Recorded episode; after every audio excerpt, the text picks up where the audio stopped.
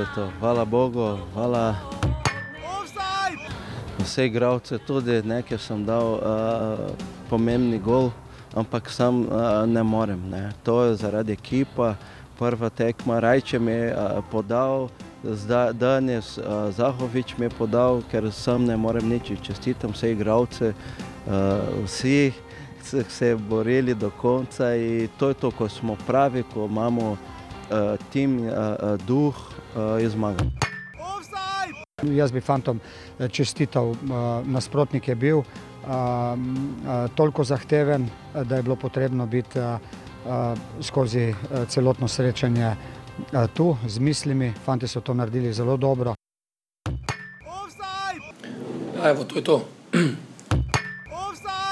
Mi smo verjeli v senzacijo, verjetno redko kdo, jaz s mojimi fanti, absolutno. Uh, mi smo šli v en velik riziko, šli smo v spremembo sistema. Jaz mislim, da smo fantastično zgledali na igrišču, da smo nekako pustili srce, da, da brzda svoje čustva, naredili za mene, bom rekel, eno prvovrstno senzacijo. Mislim, da dobro promoviramo slovenski nogomet, morate vedeti, kom smo igrali, o kakih številkah se govori, uh, promoviramo slovenske fante, promoviramo domače fante. Čudovit, čudovita publika, zahvala vsakemu navijaču. Jaz mislim, da je ogromno takih, ki, ki ni verjelo v nas. Je pa nagrada za vse tiste, ki so prišli uh, dejansko bodriti, bom rekel, naše fanti. Jaz mislim, da se oni s poštenim delom, z odnosom do vseh, bom rekel, ljudi v klubu in tako naprej to zaslužijo. Um, ampak enostavno smo nekako široko zabičali, da enostavno ne morete iz igre. Prvi dan, ko smo se slišali po telefonu, smo točno to povedali, kaj se je dan zgodilo, zakaj ga rabimo. Jaz sem fantom prvi dan pripravil, lahko jih vprašate, učital lansko letno zgodbo, da oni v West Hamu, čeprav niso bili dejansko ti igravci na igrišču, ampak so bili zraven, učital eno stvar na prvem sestanku in to je bilo ta, da oni niso verjeli v preboj v četrti pet krok. In vsa naša, če rečem, priča od prvega dneva je šla točno v to smer, um, da poskušamo iti iz okvirov nas, slovencev, pa ne mislim podcenjujoče do nas, ampak v smislu razmišljanja, da smo mali, da ne zmoremo, da, da, da enostavno se zadovoljimo zelo hitro in tako naprej. Od prvega dneva smo to razmišljanje postavili vedno više, na koncu bi verjetno jaz, eh, če se izrazim, grdo požeral ves drek, ki, ki bi dejansko tudi pred to tekmo napovedoval neko senzacijo. Ja, pogovarjamo se o, o skupinskem delu, ne vem, kdo bo nasprotnik, ampak verjemite mi, da od prvega dneva uh, fantom govorimo samo eno zgodbo, oni morajo stvari verjeti. Ni problem, če se stvari ne izidejo, če si ti verjel v to in si ti zadevo speljal tako, tako smo si želeli. Jaz mislim, da bi ne bi bila dobena katastrofa, če bi mi danes izgubili, bil bi pa jaz osebno razočaran, če fanti v to zgodbo ne bi verjeli. Uh, ampak naj se sliši smešno, ja, želel bi si nekoga, ki ni, bom rekel, milijardo evrov vreden, da še, ne moramo se postaviti na igrišče, pa ni šanse, da, da, da zadevo obrnemo. Tako da iz tega vidika bi si želel premagljivega. Dovolite, da neko uživamo v tem momentu, malo je takih dni v trenerskem poklicu, da se lahko daš na off, jutri je nov delovni dan in tudi za fante, bom rekel, oni so danes garali zadevo, tako da danes veselje, jutri pa razmišljanje za naprej. Drage offsetke, dragi offsetki, ljubitelice in ljubitelji futbola evropsko-slovenskega, spoštovane, spoštovani, lepo pozdravljeni v 92. oddaji Offside oziroma drugi evropski v tej sezoni in uh, skoraj da ganje nas vas žigo, da, da že zdaj veva, da to ni zadnja evropska sezona. Uh, jesen bo vsekakor pestra, sploh pa sedeč po tem, čemu smo bili priča. Uh, sinoči mi dva uh, sva se videla 8 ur na zadnje, ne? na zadnje, ko so prišla v Maribor, čez Trojane se je res plačalo tokrat iti pogledat konkretni, konkretni futbal, štikl, domžal in pa seveda v sredo smo vsi uh, YouTubali, streamali, šankirali, zato da smo lahko spremljali uh, tekmo Maribora. Uh, Eh, pa če še tu zraven damo Matjaža Keka in njegov uspeh, je res bil popoln nogometni teden. Najprej pa kot vedno mojemu soavtorju, sovoditelju, eh, mojstru Gutenbergu, eh, človeku, ki, zaradi katerega dosti krat se spomnim, kakšno veselje je, da se je našel v pravem času in da bo letošnja jesen res iberfuzbalska. Žiga servus. Guten tak. Guten tak. Ja, smo dežela, kot je rekel Štrajh, ne? Ja. Stalno hočem Štrajh reči, vidiš? Kristjan. Kristjan Štrajh, ja, samo hočem Štrajh reči, z patosom Urbana Lorenčiča uh, na Kitzbilu. Uh, vidiš, ker smo, kot smo slišali, narod, ki igra košarko, pa malo, malo, malo, malo smučarske skoke. Malo smučarske skoke. Ampak absolutno nismo to. Danes vam pripravljamo uh, krasno, da imamo gosta. Uh, to je evropska oddaja, torej zadeva dve tekmi Maribora s Hafnar Fjordorjem in pa Domžal z Freiburgom. Um, redna oddaja, potem 93. pride v ponedeljek, offside najdete na iTunesih oziroma Apple Podcast, večina vas posluša praktično tam, tako da res se trudimo, da, da vam to nekako omenimo. Upam, da nas najdete, da znate priporočiti kolegom, če ne pa imamo tudi backup opcija, ki jo tudi uporabljate, SoundCloud, dosegljiva smo na offside.afnorbani.com uh, in pa seveda tudi na Facebooku. Ta teden je mojca Ribič, upam, da je včeraj glasno navijala v Stožicah, je, imeli smo nagradno igro, kot ste lahko videli, nekaj vas je sodelovalo, upam, da bo teh nagradnih iger še več več, eh, čakamo en dan, da nas Aleksandr Čeferin pokliče s šestimi kartami za finale lige Prvako, eh, ali pa vsaj za super pokal, ki je v torek v Skopju, ja. Eh, Manchester United, Real Madrid, ja. v torek v Skopju, ne pozabite, sodi ne, mislim, da Damir Skomina. Ampak v vsakem primeru, torej najbolj vesela pa svada, tako kot včeraj, da, si, da res lahko spremljamo čim več probala okrog, zdaj sem se res zahvalil fantu z imenom Luka, ki to redno počne in ni edini. Uh, če vas bo čim več, bolj, več ko vas bo, bolj bogata bo daja, bo bolj bomo ustrajali. Uh, res pa je, da včeraj je žiga gledal, da če se Mari bo vrsti v Ligo prvako, imamo najbolj atraktivno skupino uh, Šahtar, uh, CSK. Uh, oziroma šar, ša, Šahtar, Spartak in pa Anderlecht. uh, v vsakem primeru, in pa seveda z državami bi radi šli v Milano ali kamorkoli. To snemamo do povdne, samo toliko, da vam povem. Uh, snemamo do povdne tako, da bomo o žrebu govorila v bistvu vizionarsko, enostradamovsko, ker. Uh, prvi ste slišali tukaj. Prvi ste slišali tukaj. ja. uh, tako da to je to. Uh, 92 je torej res, če lahko, prosim, bova zelo vesela vsake podpore, uh, tudi s tehnologijo tehnologijo, pravimo napredovati na, na, na, na offside, na urbani.si, pa še enica offside, potem tam najdete vse podatke za podporo. Um, ampak ključna podpora pa je seveda tista, ki jo nudimo slovenskemu nogometu v obče. Danes najprej greva na Maribor, greva tako kot letošnji sezoni, greva po vrsti, čeprav so zelo pod vtisom včerajšnje zmage, domžal. Uh, greva najprej na Maribor. Uh, Malo smo omenjali v ponedeljek, Maribor je premagal Hafnar Fjordor, obakrat ena nič, obakrat jasno, kdo drugi kot Markos Tavares. Uh, Žiga Maribor uh, je uh, naredil točno tisto, kar si je zamislil, očitno. Uh, Islandci jih niso taktično, mogoče so jih malo više stisnili, kot so mislili, Mariborčani, da bojo prvič, ampak v vsakem primeru je. Uh, Ne bi ravno mogli reči, da je Maribor dominiral, ampak Islandci jih resneje niso ogrozili. Ne? Ja, tukaj je Maribor te to, te dve tekmi odigral bolj na izkušnje. No, tukaj je ta varež eh, res veliko pripomogel. Tako da eh, Islandci, razen par nekih situacij, eh, pa še te niso bile 100-odstotne, resnih priložnosti, pravzaprav niso pripravili no, v obeh tekmah. Edina razlika je bila uh, v številu kartonov, ne? na prvi nič, na drugi deset. Ne? Ja, tu se pa še Obradovič je bil izključen. Izključen, ja. V bistvu ga je izključil brez kartona, zato ker je mislil, da je fizioterapeut. Aha, no. No, to dosti pove o Matko Bradoviču, več kot o Petru Kraloviču, ki ima mehki čem, glede na pisano na UEFA.com, jaz sem z mehkim čem pisal. Ampak skratka, v vsakem primeru Uh, na prvi tekmi smo videli uh, malo zadržan Maribor, v Krču Maribor bi lahko odločil vse na, prvem, na prvi tekmi, kot smo rekli, že vdaj. Kaj pa bo vratna tekma, uh, ti si gledal v Bifeju? Ja, uh, ja, jaz sem gledal preko streama, ki je bil zagotovljen med uh, mariborskimi uh, navijači, to je mi žiga prispeval, uh, žiga res najlepša hvala in pa seveda najlepša hvala. Ta community res deluje v tem primeru, da se je uh, tako dobro organiziral, da se je nekdo žrtvoval in to ponudil. Uh, seveda bi to vse morala ponuditi nacionalna televizija, kanala, športklub, pač kdorkoli, žal ni. E, tako smo pač poslušali, prisluhnili dvema skrajno objektivnima islancema, e, sploh kaj bila žoga 20 metrov od Mariborskega gola. E, ampak v vsakem primeru. E, Ja, govorimo nekaj o igri, Maribor, ampak igra tu res samo semafor šteje.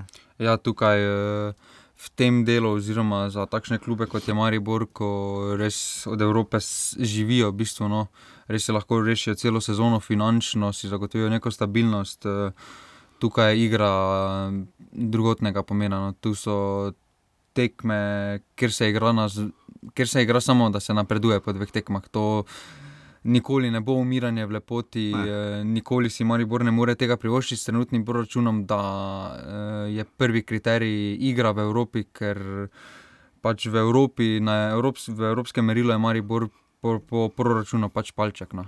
Tudi v slovenskem nogometu nasploh v zadnjih letih bi lahko rekli.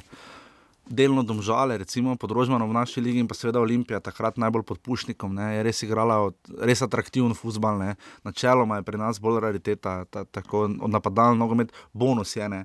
Kaj te je morda presenetilo? Luka Zahovič je začel tekmo, uh, to je bilo malo presenečenje v Mariboru, Jasmin Mešanovič začel eh, neke sorte klasične 4-4-2, ki pa to ni.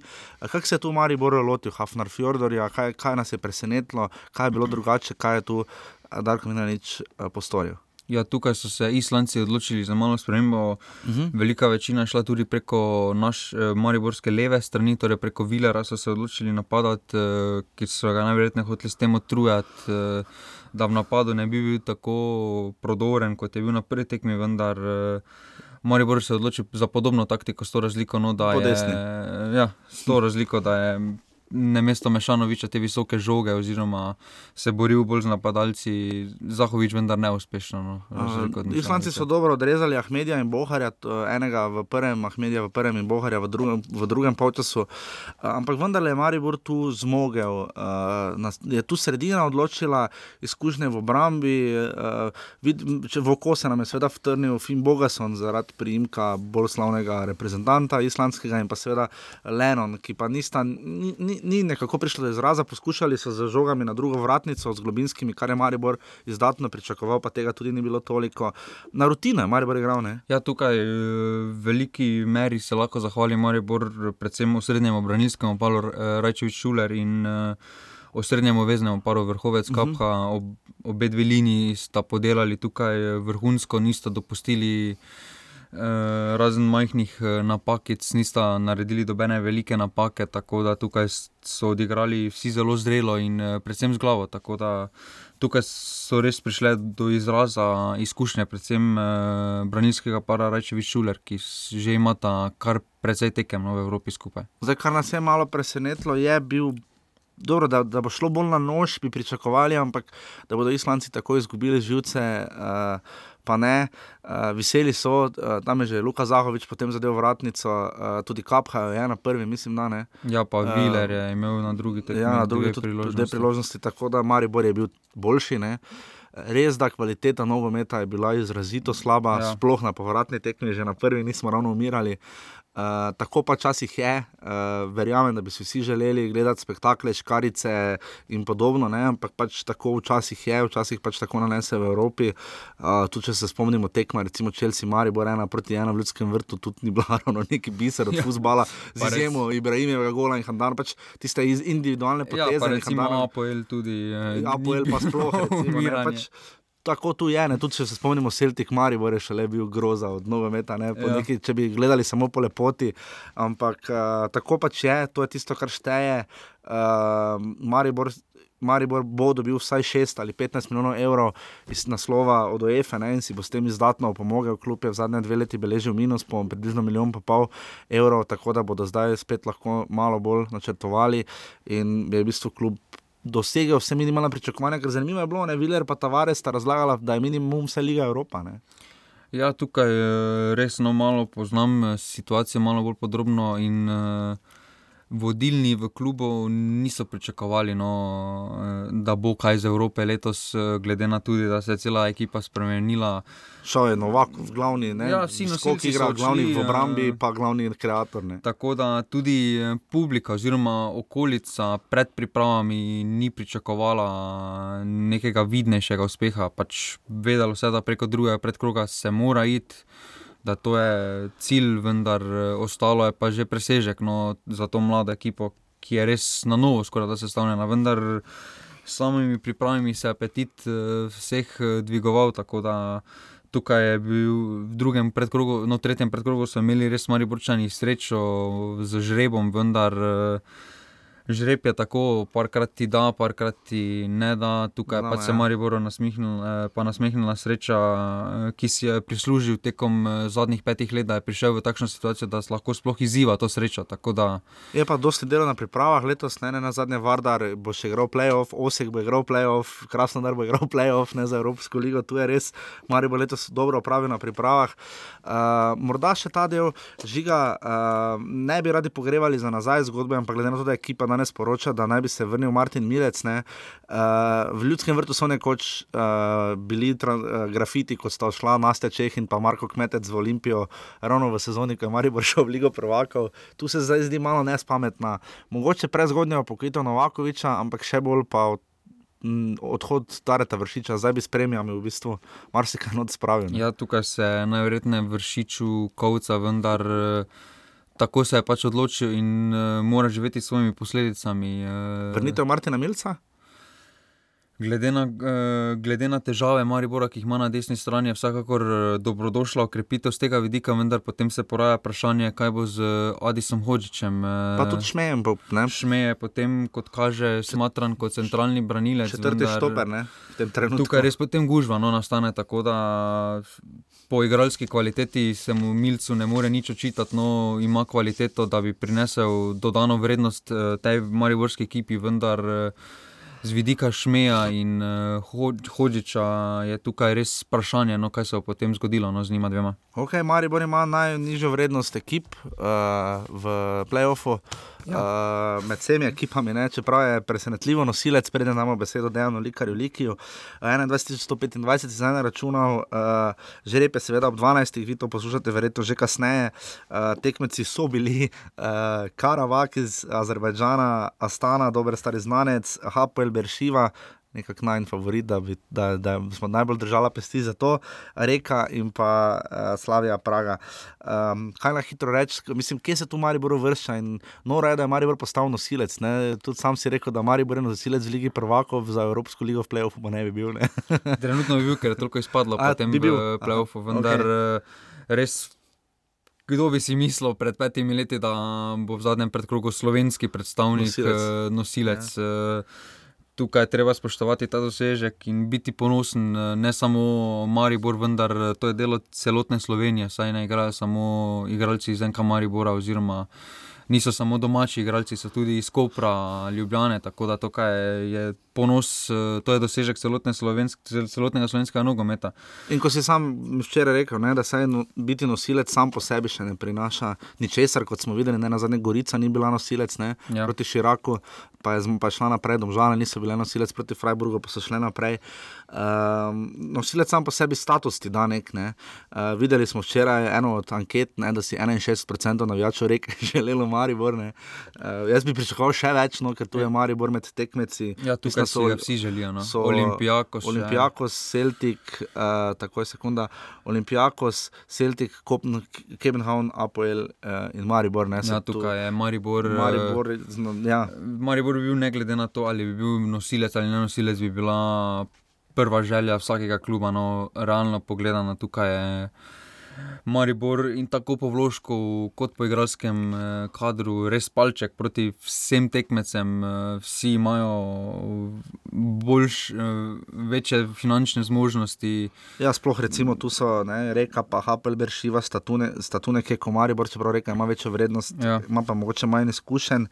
Uh, Hapelberg, Šiva je tu morda najbližje, Astana se je Maribor opekel, Karabak ima podoben sistem, uh, Slavija Praga pa ima, koliko slišim, zastrašujočo ekipo. Ne. Slavija Praga je res veliko vložila v ekipo letos poleti, vendar tudi Sparta iz Prage je veliko vložila in je dobila v tretjem predkrogu Zvezdo in zvezdo izpadla, ne. in je spadla s skupnim rezultatom 3 proti nič. Tako da so kvalitetni, vendar eh, tudi proti Bateju so se na vse zadnje kar mučili, šli so zaradi gola v gosteh naprej. Tako da tudi to ne bi bila slaba rešitev, vendar glede na izkušnje Maribora z eh, tem delom Evrope oziroma tem stilom nogometa, vsekakor eh, bi se Maribor obrnil raje kam drugamno. V Ljudskem vrtu je bilo okrog 9000 gledalcev, ne? če se prav spomnim, Ja. 1000 nekaj takega. 8166, mislim. da to Manj nekaj. kot proti Zrinskemu, to smo ja. Ja. bili presenečeni, pa svoje res pa je, da tam je bilo tudi nekaj gostujočih navijačev, zdaj je bilo pa 2563 gledalcev na stadionu Kapla Kriki, to sem si celo mislim, da prav zapomnil. Ja. Uh,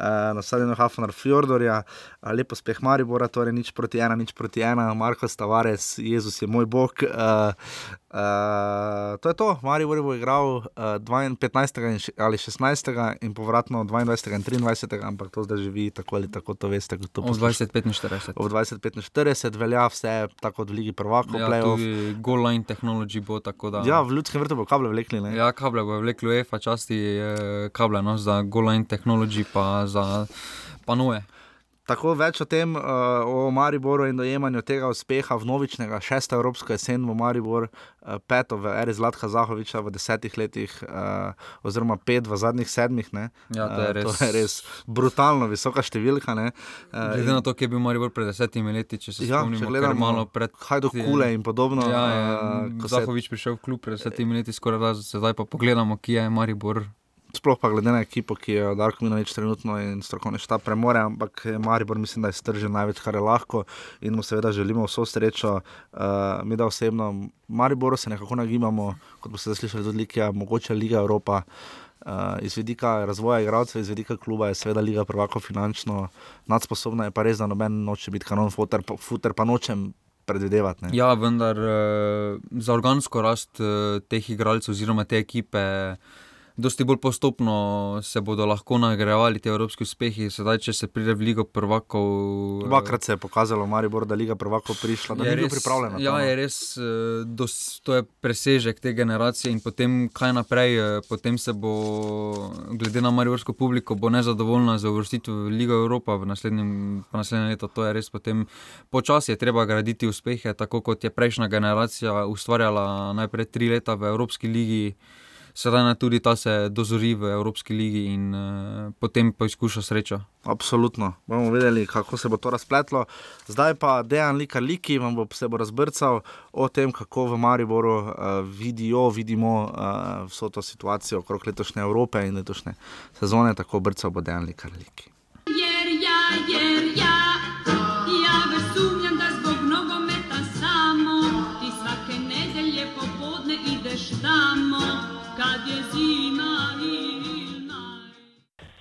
Tako v čas veselja in ponos nam je, da lahko v offsajdu gostimo, seveda, tudi uh, na nek način vas, poslušalce, oziroma tiste, uh, ki, seveda, zaradi katerih se nogomet najbolj igra. In če je kdo eden izmed tistih, ki o ki nogomet res spremlja že leta in leta, še kot drugi, niti po plenicah nismo očitno skakali. Uh, je to zagotovo dejan likar, liki, uh, ki uh, hodi v ljudski vrt, kot mi je pred začetkom snemanja povedal, že res, res, res dolgo, mislim, da 30 let, vam bo več to sam povedal.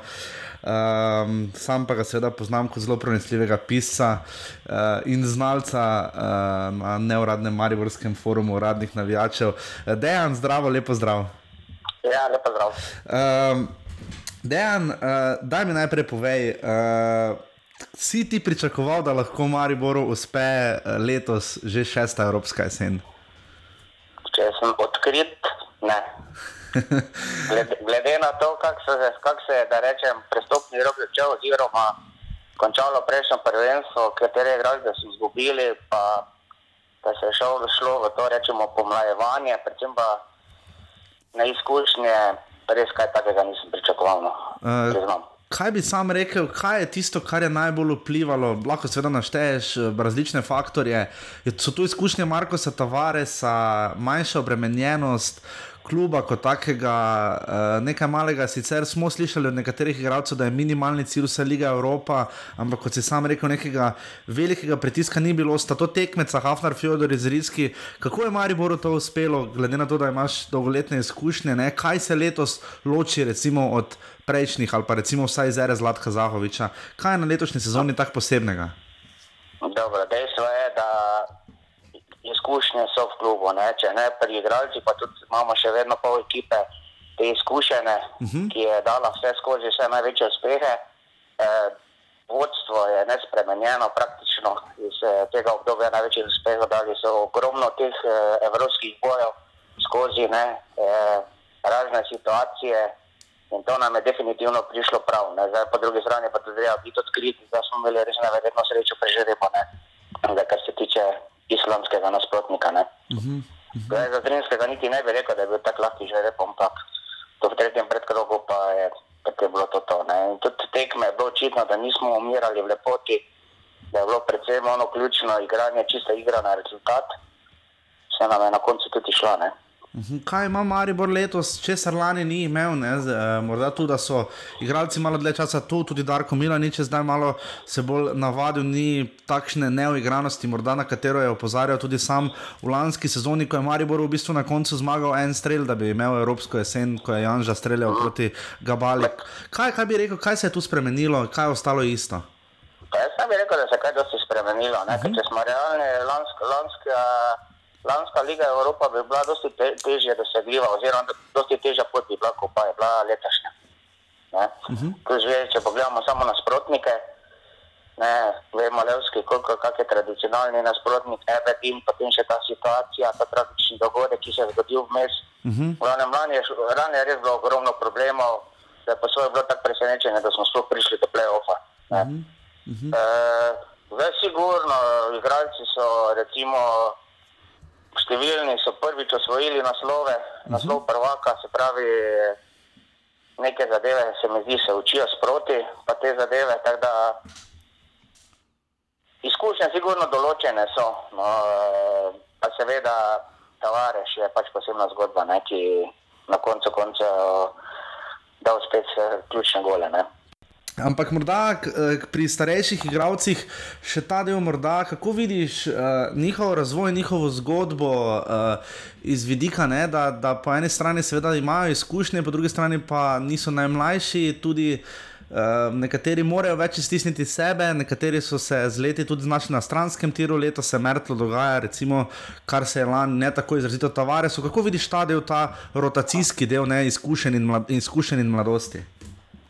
Ja, vse pravim. eh, Kar se mene tiče, meni se zdi, da pač eh, ti starejši so predali.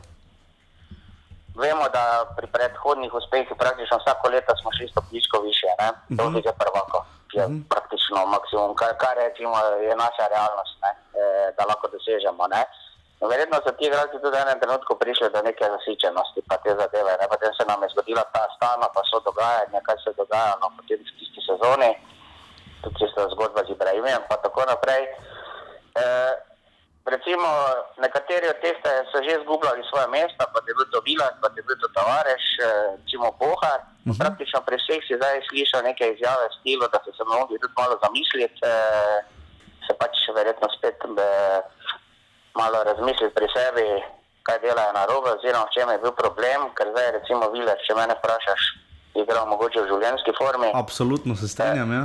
Ja, Tavares je ne vem, eh, si najel tega osebnega trenera, pa ima policistov, ki mu spremlja prehrano, uh -huh. pa take zadeve, kar vemo, da v preteklosti pri njem ni ravno ni bila njegova najbolj močna točka. Uh -huh. Zdaj tudi Bohar je recimo zadnjič izjavil, da, da se pač za, zamislil neke uh -huh. stvari pri sebi razčistil, pa tudi eh, de- dejansko spet počasi gre v smer to, kar je bil recimo v času lige prvako. Uh -huh. Ko smo res mislili, da bo šla njegova karje- karijera v višave. Uh -huh. Tako da jaz bi rekel, da verjetno je to kombinacija izkušenj, potem pa tudi zdaj obdobje teh dveh let, ko dejansko nismo dosegli v Evropi to, kar smo dosegali prej, uh -huh. da je tudi mogoče malo te igralce postavilo na realna tran, če rečem po domače. Ne? Imaš občutek, da se je morala zgoditi tisti padec rezultatske forme, zlasti v drugi polovici aprila, oziroma zlasti v maju, ne, ko je Maribor recimo visoko izgubil v Kidričevem. Uh, ker zakaj Mariboru ni prišlo do živega odhodi Novakoviča, Defendija in Dareta Vršiča? Ne?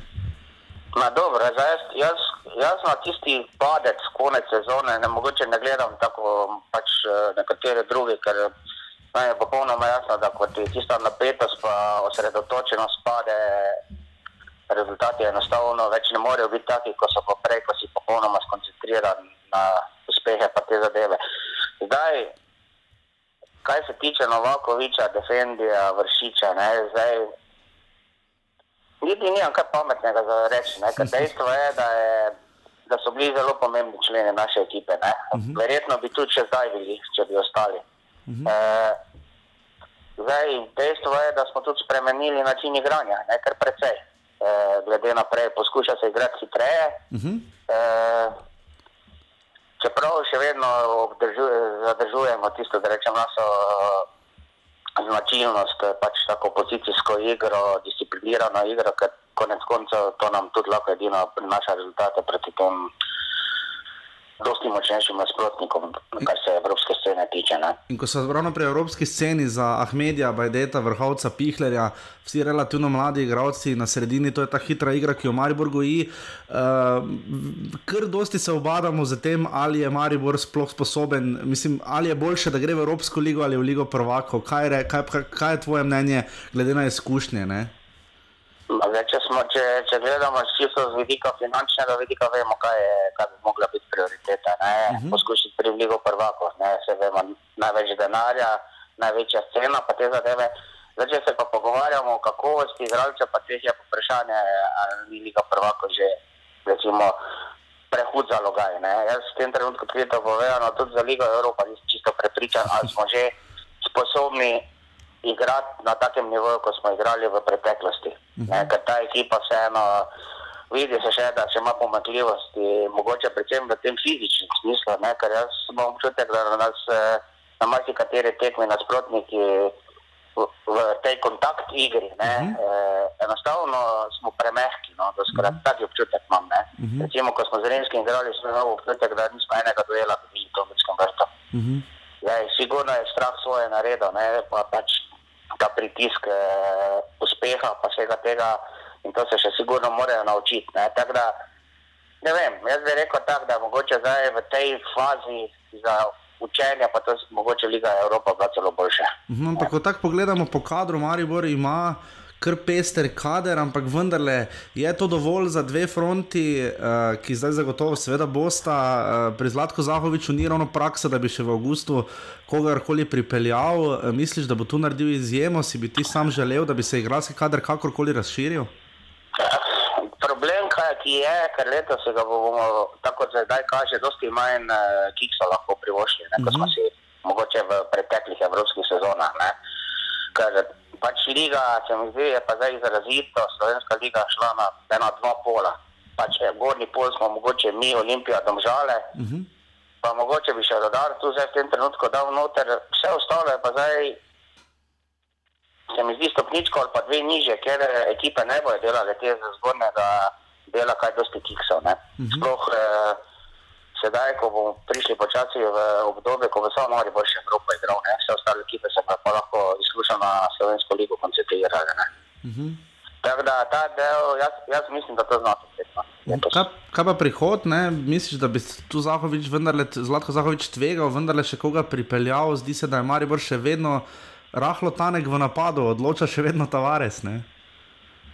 Ja, vse to je največji problem. Ne? Zdaj, mi se pogovarjamo o mladitvi ekipe, pa to, ampak eh, da rečem, vse ključne točke pa držijo še vedno veterani. Ne? Uh -huh. Se pravi, če zdaj pogledamo realno, cela obramba, obrambna linija, z izjemo Palčiča, je tista z uh, evropskimi izkušnjami, ne? Mhm. vključno s Fandanovičem, napadu praktično Tavare, samo zabija gole. V sredini pa nobenja. Sredina pa zdaj vidimo, da trpimo vse konec koncev. Če pogledamo, ne, sedem uradnih tekem smo špilali v letošnji sezoni, šestkrat smo zmagali za en gol. ja, to je zelo, zelo, Smo še zelo izrazito. nobenega, da Ja. dva gola premagali. Ne. Kaj pa morda to, če morda še beseda dve o mladih, ne, ki zdaj dobivajo nekaj več priložnosti, seveda pa niso to igralci tipa Žan Celar, eh, Kolmanič, Hodžič in ostali, ki ne dobivajo takšnih priložnosti, Celar je tako ali tako odšel.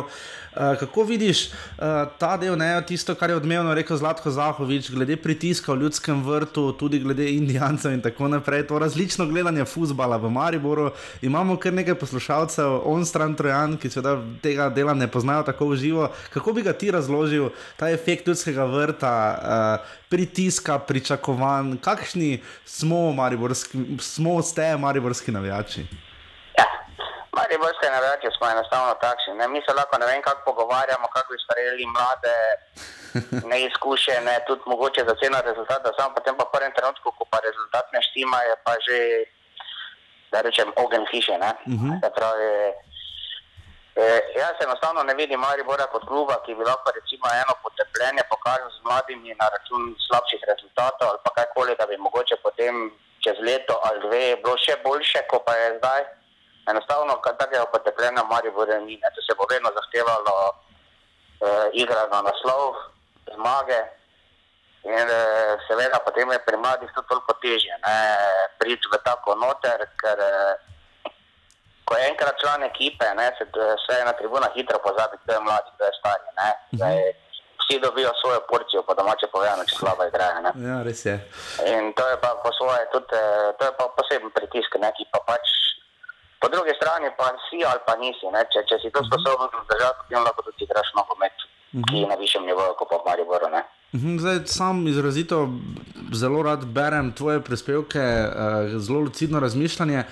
Kaj bi rekel sam, eh, da je tisto, kar bi se Maribor lahko najbolj naučil po zadnji uspešni evropski sezoni? Ne? Ker takrat je res raslo, raslo, raslo eh, preko Evropske lige v Ligo prvakov, ampak se zdi, da pa je prišla slabša sezona, pritisk. Kako si takrat videl klub kot inštitucijo, kot ubadanje z problemi, ubadanje z dejstvom, da je tu močna Olimpija, ubadanje z dejstvom, da jih je izločila Astana.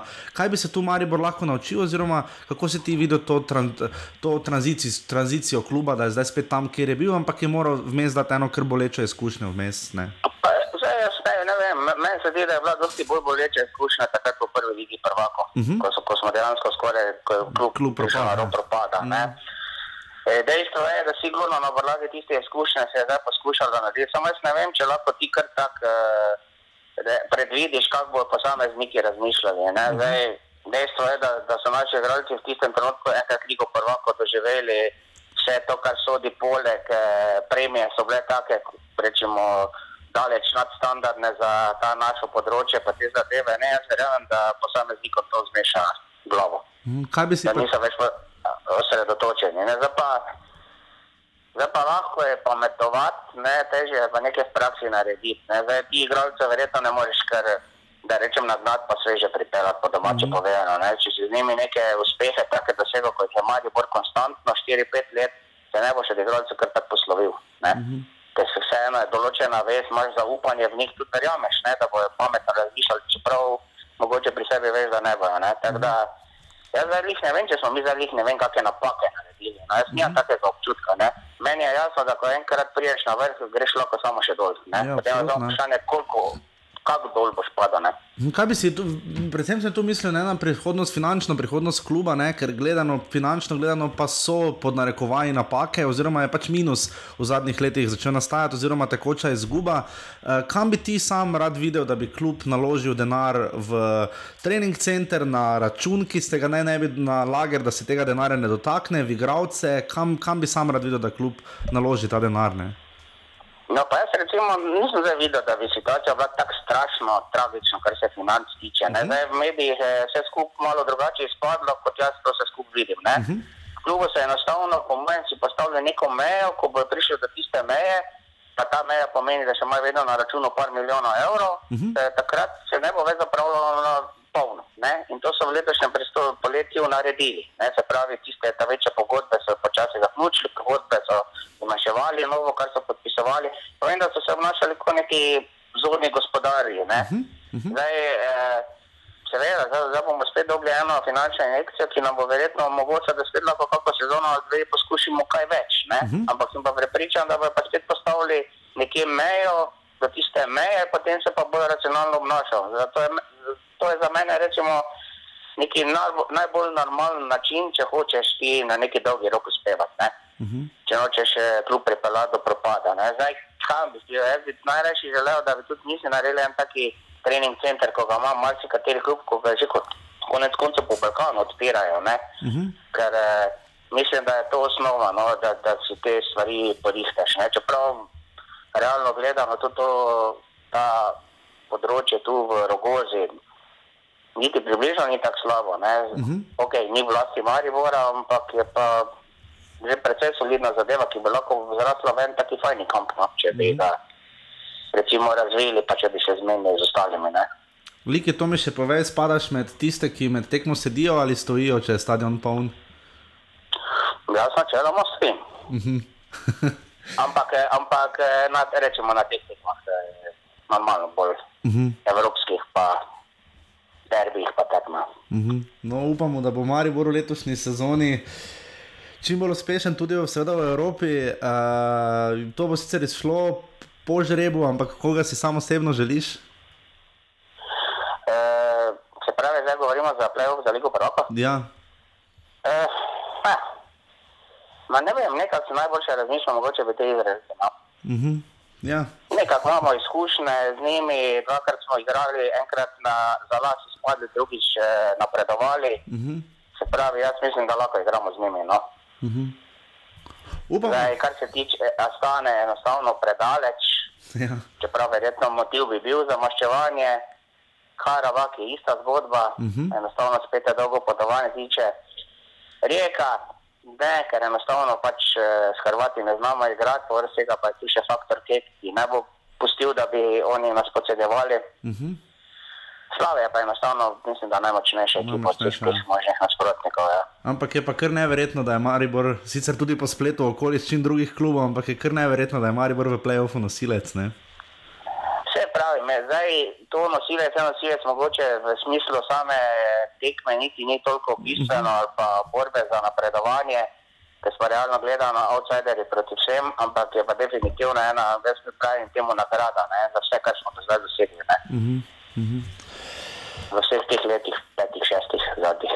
Dejan, jaz se ti najbolj zahvaljujem v imenu Offseda, da si bil naš gost. Uh, pridno obiskovanje tekem še naprej in upamo na čim boljšo evropsko jesen. Ne? Ja, najlepša hvala, enako. Hvala, adijo, čau. Ja, adijo. Jer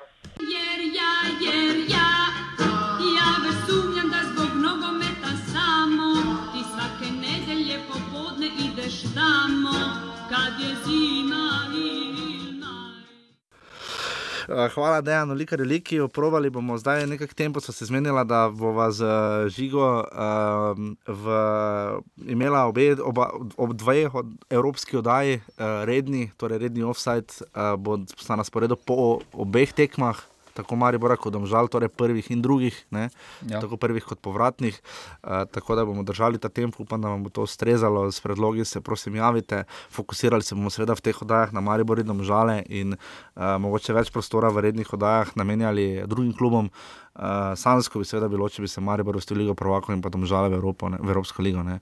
To bi bilo seveda sansko, ampak uh, za do takrat mislim, da so Domžale naredile vse, kar so lahko, tako da tudi mi dva moreva, žal še ne veva, ko zabijajo Ja, Domžale. Domžale, Ne, ne, ne, ne. Domžale, Domžale, šampion.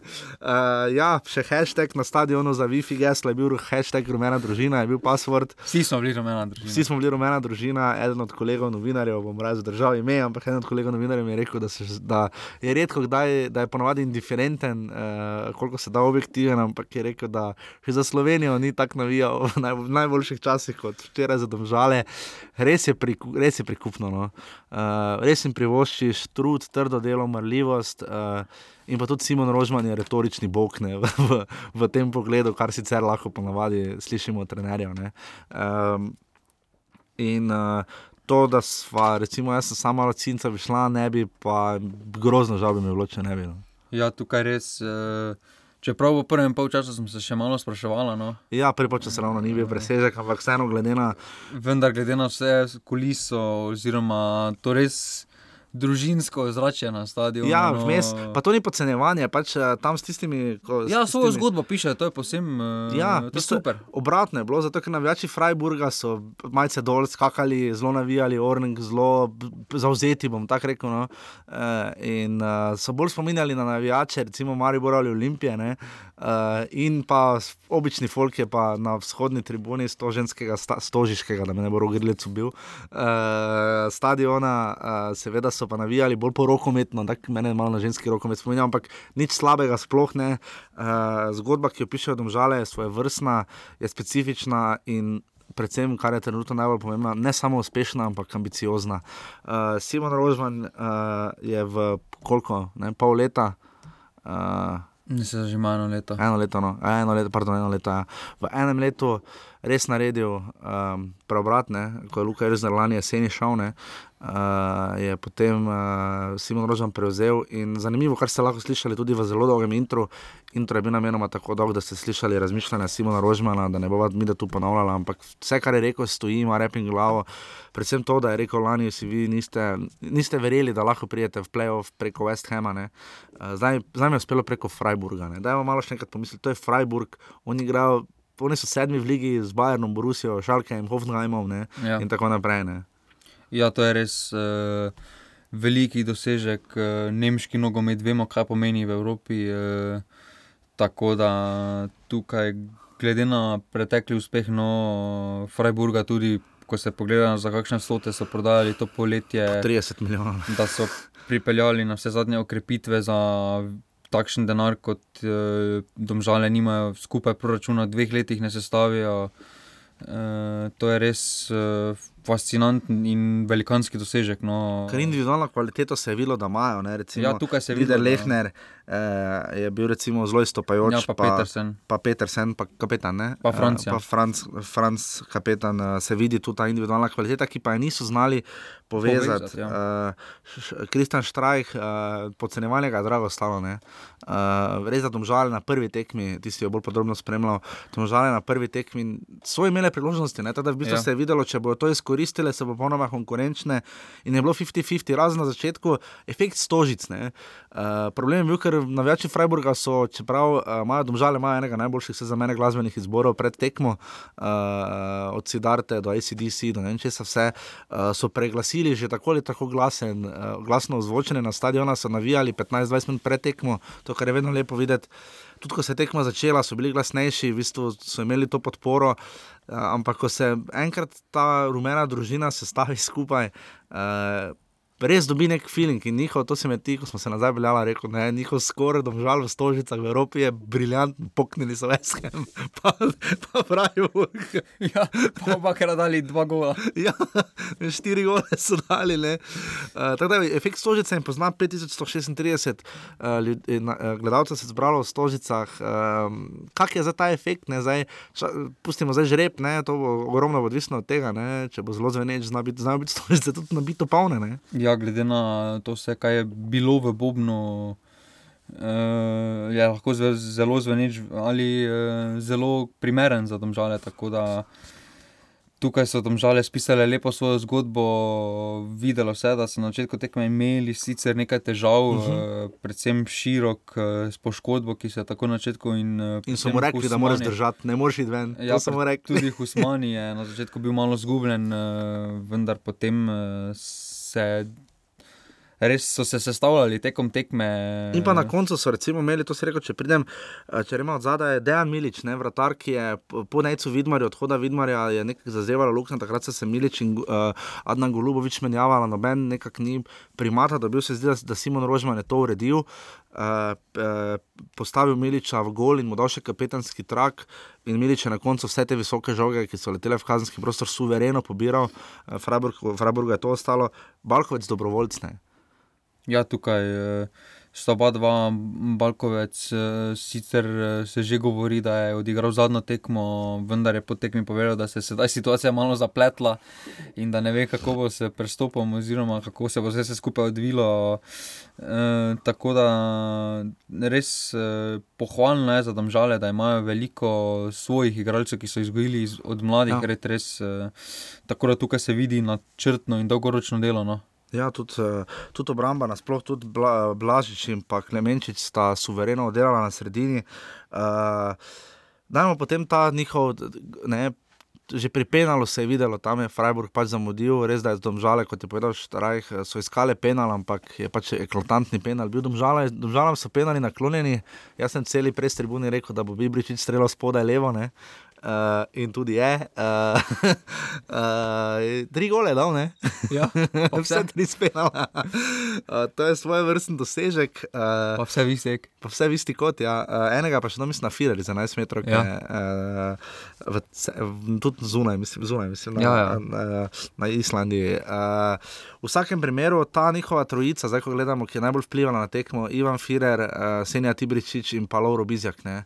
Lauro Bizjak je lani trpel za aluminij. ne, Uh, zdaj trpa za domžale. Ne? Ja, in uh, po eni strani je za Simona Rožmana zelo sladka skrb, uh, Bizek v takšni formi, vendar na tribuni pa je imel Jana Repasa. Recimo. Ja, ki je recimo, zaradi odločiti, manjkal. eh, Med tema dvema, Med recimo. tema dvema Jan Repas je torej še, še rezerve, imajo domžale, to dosti ja. Pove tudi o moči domžal, da je Repas bil zaradi kartonov na tribuni.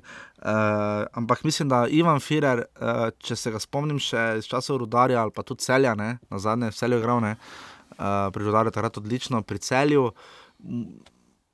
Včeraj so se branilci, pa to so bili orang dedi, ne, so ja. Se odbijali od njega. Firer je tako fizično superioren, da je to čudo. ne. Ja, predvsem v prvem polčasu je edini uh, res Mhm. nekaj upal za žogo. No, res je, šel je tudi v pregravanja, šel je v riziko. Eh, Na začetku se je res malo videlo, da so domžale mogoče malo se vseeno strašile tega, te velike priložnosti, vendar eh, ni to vplivalo na njihovo predstavo. Vendar, eh, kako so zaključili tekmo, oziroma kako so se igralci dvigovali, se vidi, da, lahko, eh, da so imeli že na začetku neke rezerve. Tukaj pa je Firer res, eh, res odigral z izkušnjami. No. Pa nekaj nas je presenetilo, pol ure je ostalo po dva nič, ne, pol ure je ogromno v nogometu. Ja. Uh, Šimon Rožman se je odločil za precej konzervativne menjave, Firer Žužek, uh, Bizja Košbolt in pa Ibričič Sen Gnezda Čerin. Uh, bolj ko je Freiburg šel proti golu, bolje počasi zapiral Simon Rožman, uspešno ponavadi taka, mis, tak, taki pristopite, znajo brutalno dosti stati, je pa res, da nima več kaj zgubiti, ker podaljško ne bi bilo. Ne. Ja, tukaj eh, tudi je šlo na roko domžalam, da so se eh, odločili za spremembo sistema in so šli 3-5-2 tekmo, torej so imeli spet branilcev, potem praktično na koncu v igri, ko so se postavili v zid. Eh, Tako da tukaj jim je tudi Freiburg šel na roko, ki je poskušal potem samo z visokimi žogami, žogami. ne pa po tleh, ja. eh, eh, Tukaj bi po tleh eh, si mogoče kakšno več priložnost ustvarili, tudi malo bolj organizirano, počasi, vendar eh, se je bilo evidentno, da že po prvem golu eh, domžal so Nemcem začeli popuščati živci, kaj šele po Fejst. drugem golu. Eh, Aleksandr Bukov je imel kar nekaj dela, belgijski sodnik, ja. Ja. so se pa na koncu kar znašli. No, podobno kot Kralovič, te povratne tekme so res naporne.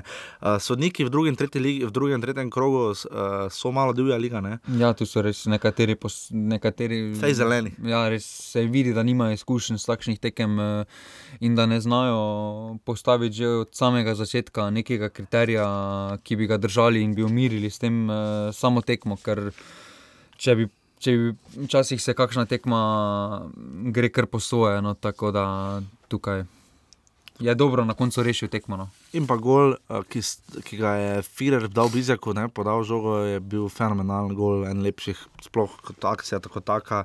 Uh, se pravi, pojdite še enkrat na začetek poslušati, kaj je vse povedal Simon Rožman. Uh, Ni čudno, da je dobil aplaus na tiskovni konferenci no, od nekaterih novinarjev, uh, si ga je absolutno zaslužil uh, za to, kar so dosegli. Uh, mogoče da v tem oziru pogledati malo za neko dejstvo. Ne. Imamo dva kluba v playoffu. Domžale so postale tretji klub, Maribor je uspelo to 2011 za Evropsko ligo playoff in pa Muri 2012. Eh, Domžale so tretji slovenski klub, ki mu je to uspelo. Naslednji petek v Ljudskem vrtu, ravno dvoboj Maribora in Domžalne, čez danes teden. eh, To bi moralo, viš, po neki logiki biti, da se ta ostane poln, mora biti. ne. Eh, Če bi bilo generično, ne. Eh, Ja. Zdaj vidimo tudi na Hrvaškem, da temu seveda ni tako. Ne. Eh, Čeprav Hrvati imajo kar štiri klube, vse štiri klube v playoffu, tudi Srbi imajo dva, recimo, če se z njimi primerjamo, gre pa Avstrijci, ima mislim, samo ene, ne Altah, imajo pa Šturm, ne, Eh, Ne, ne Šturm ne Šturm, spada. Avstrijo, pa Altah, ja, Šturm. ne Ja, pa. Salzburg je v. Salzburg, znotraj tri naši sosedje, video Tonja Poknoven, Burdone. Ja. Uh, tako da tudi naša neposredna okolica gre kar dobro, italijani pa tako ali tako še niso niti začeli. Ne. ja, pa Vardar ima tudi. Pa Vardar ima tako da v tej naši neki bližnji regijski skupini ne, uh, vidimo kar uspehe, tudi Švica je že postala ne na zadnje vele sila, ampak dajmo tu malo pogledati iz prizme sreča Katanca, kjerkoli že on zdaj je. Ne, uh, Težko bo zamižal nekatere, nekatera dejstva. Ne. Uh, Petr Stojanovič uh, igra vse minute, uh, Gabriel Dobrovoljc je včeraj skoraj prečko zlomil proti Freiburgu. Uh, jaz mislim, da Nec Kubic ima tu resno konkurenco. No. Ja, tukaj eh, predvsem. Da ne omenjamo Jureta Balkoca in pa tudi celo Mitja Vilerja. Ne. Ja, tukaj prednost uh, igralcev Maribora in Domžal uh, je predvsem, in, in, in tudi Stojanoviča, kot si ga že omenil, je predvsem, da so v ritmu že, da že imajo kar precej tekem v nogah. Uh, kar pa na koncu lahko tudi odraža neko razliko, no vseeno. Na ne, pomote, noče vas reči, da mora iti šest igralcev z Marijo Ja, ja. v reprezentanco, Blaž Vrhovec, težko bi rekli, ampak definitivno je bolj v pogonu, kot je nekaj hin, ne. Ja, Eh, v tem oziru, ne. Uh, Mislim, da v tem poletju vrhovec je igral več tekem kot Krhin preko celega Cele, leta. cele sezone in eh, verjamemo vsi, da namreč ritem bo res peklenski. Eh, kot smo rekli, 15. 16. igra Maribor, enega torek ali sreda, v četrtek 17. potem domžale. Uh, takrat je potem med vikendom kolo, seveda slovensko. Uh, bo Jaša samo na hitro pogledal, če je takrat kakšna težka tekma, ampak skratka, potem takoj naslednji teden so povratne tekme, spet torek, sreda. Um, 19. takrat tisti vikend Mariborja, hvala Bogu, je tukaj razpored malo na roko. Maribor igra z uh, krškim, domžale pa z aluminijem in oba doma. Uh, to so res dobro razžrebali. Uh, je pa res, da potem, ko se gre pa ven iz tega, uh, potem je seveda povratne tekme lige Provokov in lige Evropa, kvalifikacijske, uh, potem je pa derbi, ne? Nedeljo derbi. 27.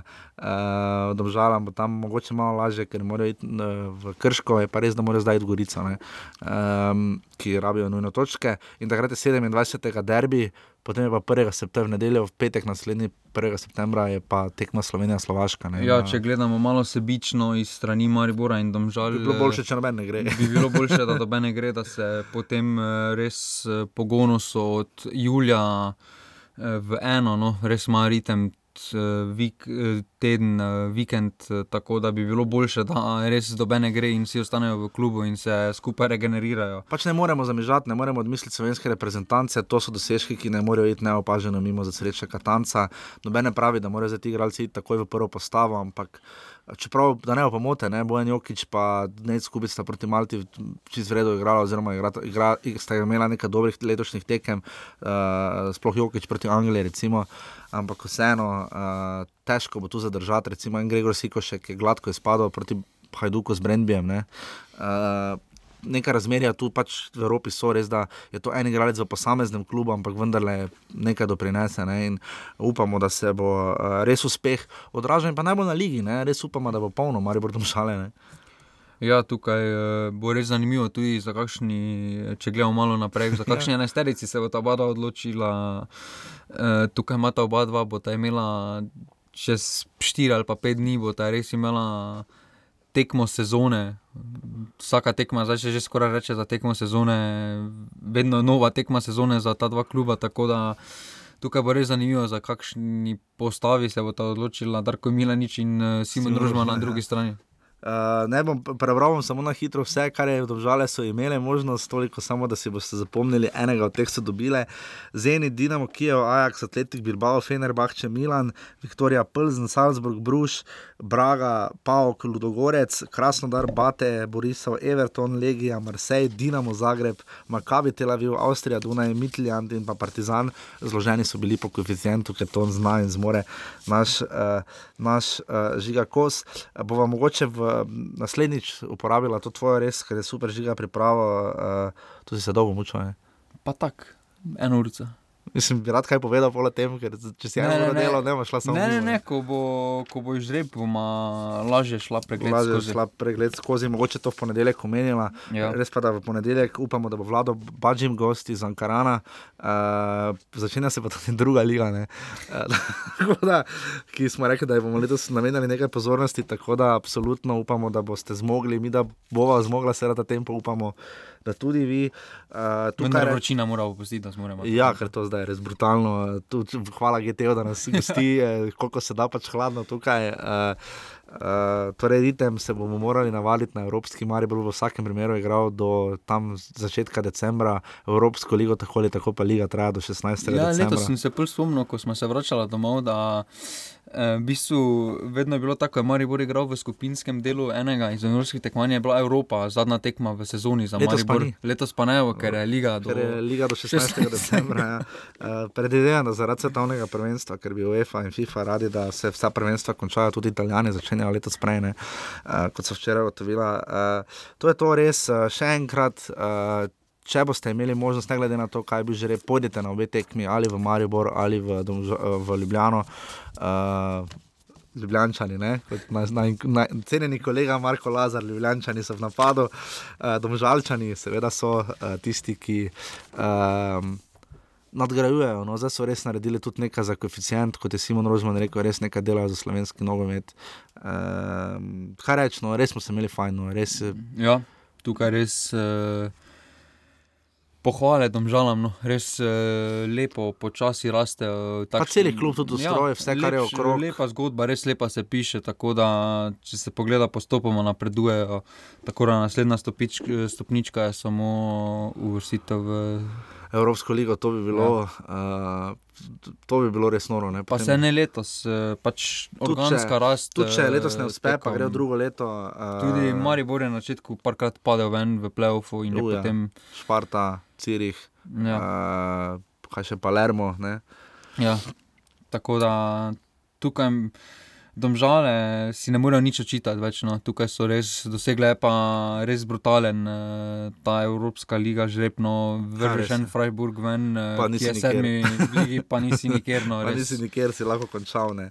Dobra je bila tista Rožmanova, seveda o milijardi evrov ne, uh, vrednosti klubov. kar Samo Milan je bliže, milijard, najbližje milijardi. pri prestopu, kot vidimo, uh, ja, uh, 350 milijonov je vredna ekipa, torej za približno 650. Neymarja in pol uh, v, teh dneh, ko vidimo, kaj se z nogometom dogaja.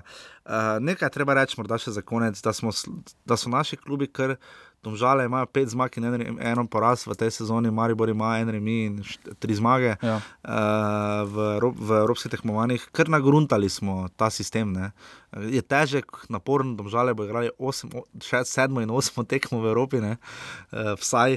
Ne. Ja. Uh, v najboljšem primeru jih pa imeli potem 14, to je že skoraj pol lige. ne. Uh, Tako da se zdi, da so naši klubi naštudirali ta sistem no, in, in temu prilagodili svojo igro in sistem. Ne. Ja, tukaj eh, se vidi, da so bile res malo so bile atraktivne, vendar eh, se je videlo te principe eh, res igranja na rezultatno, posebej po drugem zadetku. eh, Tukaj, kot smo že na začetku menili, je rezultat v spredju, važno je napredovanje. Uh, igra je lepo, je lepo, če je poleg, vendar uh, tukaj ni nujno. No, tako da domžale so, z, so imele na trenutke zelo soliden, oziroma zelo atraktivno igro, vendar uh, gledano skozi celotno tekmo so, igrale, so to tekmo od, odgarale evropsko, da poklonno. Evropski so tudi offside za konec, uh, Maribor ima 11 offside iz 4 tekem, Domžale jih imajo 9 iz 6, Gorica seveda ostaja pri 5 iz 4 tekem in pa Olimpija za 4 offside iz 2 tekem. Um, ne, ne smej se. uh, škoda, no, to bomo samo rekli, res škoda. da Ja, letos- res bi se lahko letos. Uh, Če bi še Olimpija zdaj tu zraven igrala, mislim, vidimo, kaj, kaj doživljajo Hrvati, uh, ja. Ja. kjer televizije ne sfolga, tam vse prenaša, HTV bolj ali manj osje, ki ni, bil prenašan, ker pač se, so se tekme prekrivale. Imajo ta, ta privilegij, imajo, ne, da se jim tekme pokriva v Evropi. Ja, ne. tukaj res. Uh, In jim privoščimo. Ne, ne, Ja, nazadnje, kdo ne. bi si sploh mislil, da bomo imeli letos dva predstavnika V v, play-offu, play-offu, tako da že tukaj je velik napredek. eh, Izjemno. Vendar je škoda, za, predvsem Olimpijo, ki ima potencial, kar, kar na vse zadnje tudi v ligi kažejo. In upamo, da bodo zdaj tudi oni kvaliteto, držali kvaliteto lige naprej, ne? da, da, ja. Da, da bodo našli motivacijo ravno v tem, kako tekmovati z dvema relativno evropskima ekipama, očitno. Ne? Uh, in tu absolutno um, nič upamo, da bo, upamo, da bo čim uspešno. No?